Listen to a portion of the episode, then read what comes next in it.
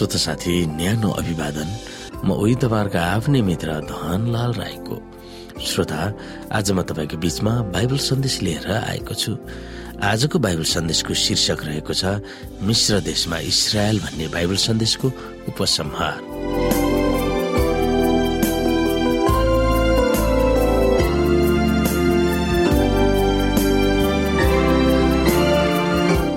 श्रोता साथी हामी यस विषयमा प्रकाश एक्काइस अध्यायको एकदेखि सातसम्म हेर्न सक्छौ। ती पदहरूले हामीमा भएको महान आशालाई कसरी प्रकट गरिएको छ?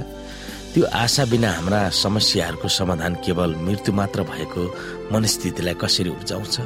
हामी यहाँ एकदेखि हेरौँ। तब मैले नयाँ आकाश र नयाँ पृथ्वी देखेँ किनकि पहिलो आकाश र पहिलो पृथ्वी बिति गएका थिए। समुद्र त अब छँदै थिएन। अनि मैले परमेश्वरबाट दुल्हाको निम्ति दुलै जस्तै गरी सिँगारिएर तयार पारिराखेकी अर्थात् पवित्र सहर नयाँ हेरुसलेम स्वर्गबाट तलतिर झरिरहेको देखेँ। सिंहासनबाट यसो भन्ने एउटा चर्को स्वर मैले सुने। हेर परमेश्वरको बास मानिसहरूसँग भएको छ। उहाँ तिनीहरूसँग बास गर्नुहुनेछ र तिनीहरू उहाँका प्रजा हुनेछन्। र परमेश्वर आफै तिनीहरूका परमेश्वर भएर तिनीहरूसँग रहनुहुनेछ। उहाँले तिनीहरूका आँखाको आँसु पूर्ण रूपले पुछिदिनुहुनेछ।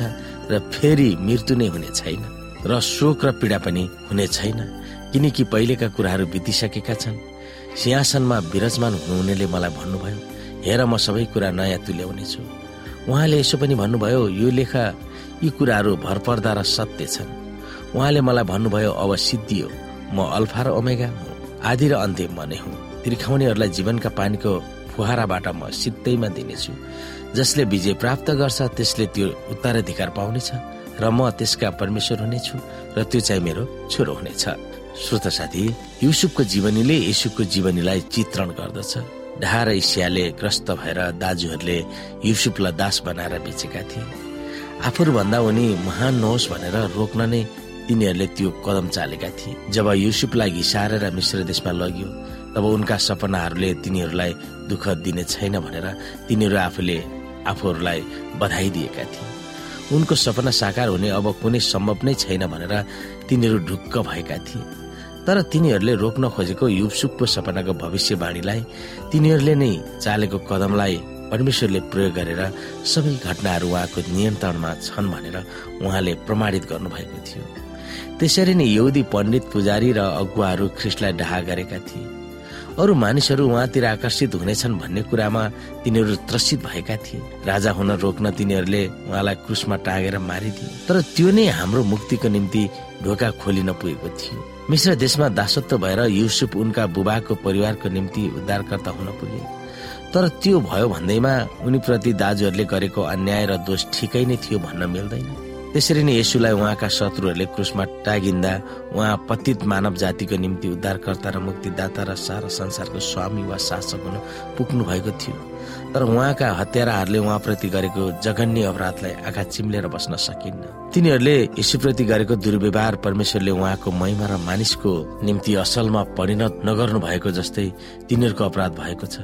अर्थात् सबै थोक परमेश्वरको नियन्त्रणमा भए तापनि मानिसले गर्ने कुनै पनि अपराधलाई उहाँले उचित मान्नुहुन्न जसरी मूर्ति पूजा गर्ने वा सनातन सृष्टिकर्ता परमेश्वरलाई विश्वास नगर्ने सभ्यता वा देशमा युसुफलाई आफ्नै दाजुहरूले बेचेका थिए।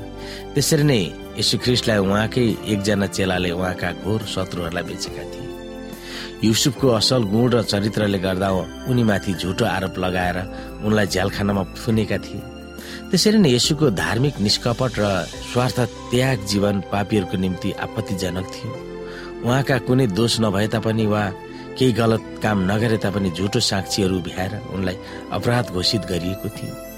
अन्याय शोषण र दबाव युसिपले भोग्नु परे तापनि उनले आफ्ना क्रूर दाजुहरूलाई सदा सहायता धैर्यता र नम्रता देखाएर क्षमा दिएका थिए। उनी जस्तै कुनै गुनासो नगरी दुष्ट मानिसहरूको दुर्व्यवहार र घृणालाई सहनशीलता र सदा सहायता देखाए सहनसम्म सहनु भएको थियो। उहाँले दिनुहुने क्षमा केवल उहाँका हत्याराहरूलाई मात्र उपलब्ध गराइएको छैन।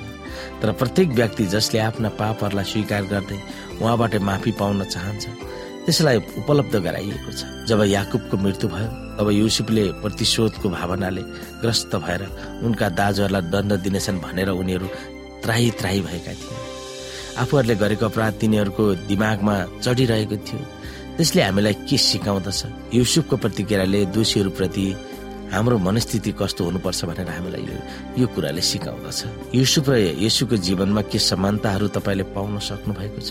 परमेश्वरलाई सबै भविष्य राम्रैसँग थाहा छ भनेर हामीलाई थाहै भए तापनि कुनै पनि निर्णय गर्न वा रोज्न हामी अझै स्वतन्त्र छौँ भन्ने कुरालाई अझ बढी हामी सोच्न सक्नुपर्छ परमेश्वरलाई हाम्रो भविष्य थाहा छ र हाम्रो भविष्यको लक्ष्य वा हामीले गर्ने निर्णयमा हामी नै जिम्मेवार छौँ भन्ने कुरालाई कसरी हामी मिलाउन सक्छौँ त्यो कुरा हामीले सोच्नु पर्दछ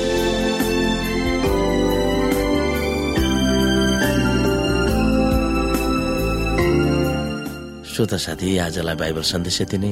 हस्त नमस्ते जय मसिंह।